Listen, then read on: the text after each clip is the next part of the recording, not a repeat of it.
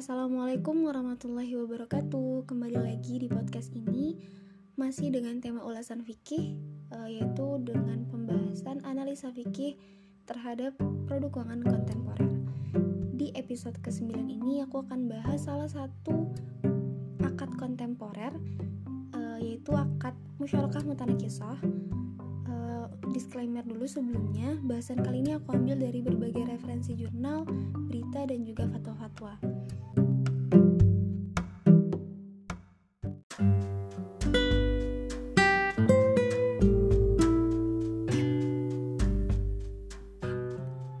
Akad musyarakah mutanakisah ini merupakan akad kontemporer yang sudah banyak dipraktikkan oleh lembaga keuangan syariah atau LKS yang pada umumnya diimplementasikan dalam produk pembiayaan KPR syariah, di mana skema KPR syariah menggunakan akad musyarakah mutanakisa ini diawali dengan nasabah memilih rumah yang akan diajik, yang akan dijadikan objek pembiayaan lalu nasabah mengajukan aplikasi pembiayaan di mana nasabah dan bank bersepakat untuk menjadi mitra dalam PHSK musyarakah mutanakisah dengan kontribusi pendanaan dari bank dan nasabah, bank akan membeli aset pembiayaan, lalu bank akan menyewakan aset tersebut e, kepada nasabah dengan asumsi nasabah menyewa porsi aset yang dimiliki bersama.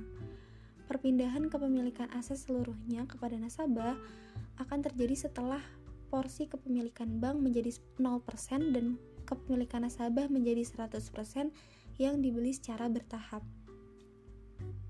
Dari tahapan-tahapan tersebut uh, terdapat dua akad yang saling mendukung yaitu akad musyarakah mutanakisah dan akad ijaroh. Akad ini uh, akad musyarakah mutanakisah ini sudah memenuhi parameter kesesuaian syariah dapat dilihat dari uh, dalam kegiatannya uh, terbebas dari transaksi yang dilarang karena hak dan kewajiban yang berkaitan dengan bagi hasil diketahui sejak awal dan dalam pelaksanaannya ada perikatan yaitu penandatanganan akad di depan notaris. Selain itu dalam pelaksanaan musyarak pelaksanaan produk pembiayaan dengan akad musyarakah mutanakisah ini uh, selain akad musyarakah mutanakisah ada akad lain yaitu yang mendampingi akad ini yaitu akad ijaroh sebagai penetapan ujroh dan pembagian ujroh sesuai dengan nisbah yang telah disepakati. Selain memenuhi akad, keuntungan yang diperoleh dari ujroh ini dibagi sesuai nisbah. Dan apabila ada kerugian, eh, kerugian ini akan dibagi juga berdasarkan proporsi kepemilikan. Untuk mengetahui hukum fikih dari trans, dari akad kontemporer ini, mari kita ketahui dulu hukum asalnya atau usul fikihnya. Pertama ada Quran surah Sot ayat 24 yang artinya Daud berkata, sesungguhnya dia telah berbuat zalim kepadamu dengan meminta kambingmu itu untuk ditambahkan kepada kambingnya dan sesungguhnya kebanyakan dari orang-orang yang berserikat itu sebahagian mereka berbuat zalim kepada sebahagian yang lain kecuali orang-orang yang beriman dan mengerjakan amal yang soleh dan amat sedikitlah mereka ini dan Daud mengetahui bahwa kami mengujinya, maka ia meminta ampun kepada Tuhannya lalu menyungkur sujud, menyungkur sujud dan bertaubat.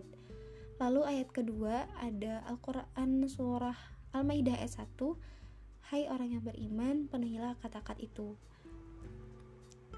Makasid syariah dari kegiatan ini jika dilihat dari usul fikihnya, uh, akad ini diperbolehkan dalam uh, bisnis modern kali ini dengan memberikan maslahat dalam rangka mendorong pengembangan perbankan syariah dan industri keuangan syariah. Selain itu, uh, akad ini juga membantu memenuhi kebutuhan masyarakat dengan tetap berpegang pada prinsip syariah.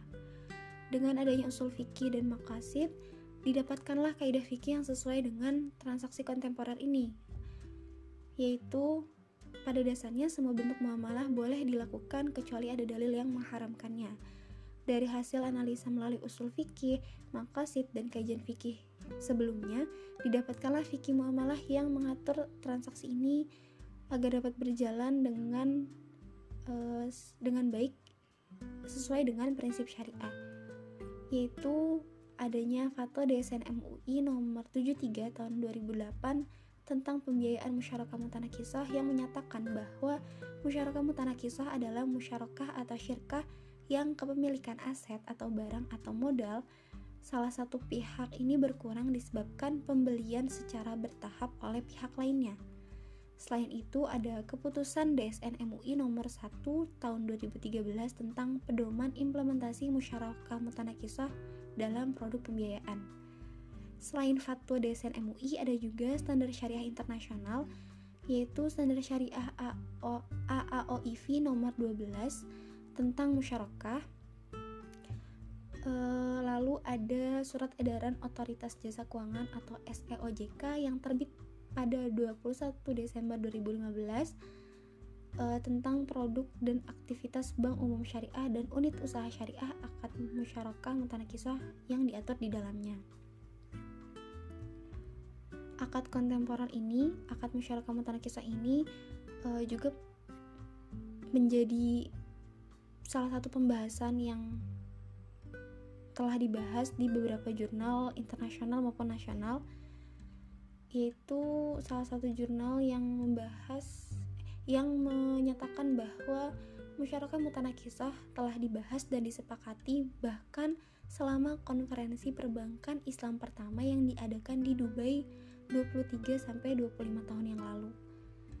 Lalu ada pemberitaan dari tempo.com di mana berita ini menyatakan bahwa KPR syariah dengan akad musyarakah tanah kisah semakin diminati generasi milenial karena dalam waktu 2014 sampai 2018 perbankan syariah mampu mencatat compound annual growth rate atau CAGR sebesar 15% di mana angka ini lebih tinggi dari industri perbankan nasional yang mencatat CAGR hanya sebesar 10%.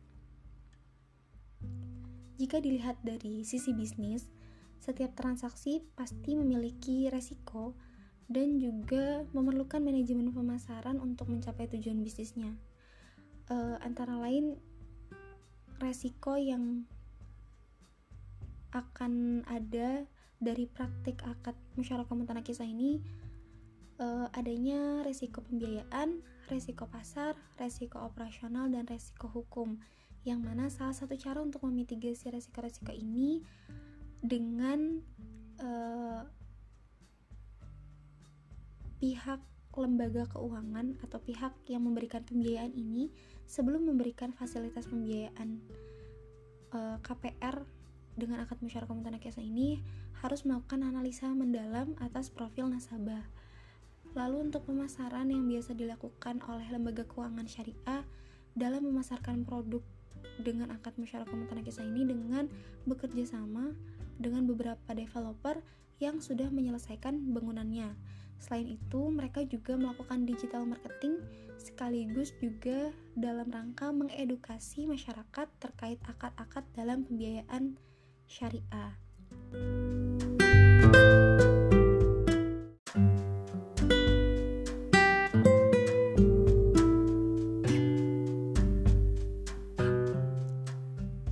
Sekian untuk episode kali ini. Wallahualam Semoga bermanfaat. Sampai jumpa di episode selanjutnya. Wassalamualaikum warahmatullahi wabarakatuh.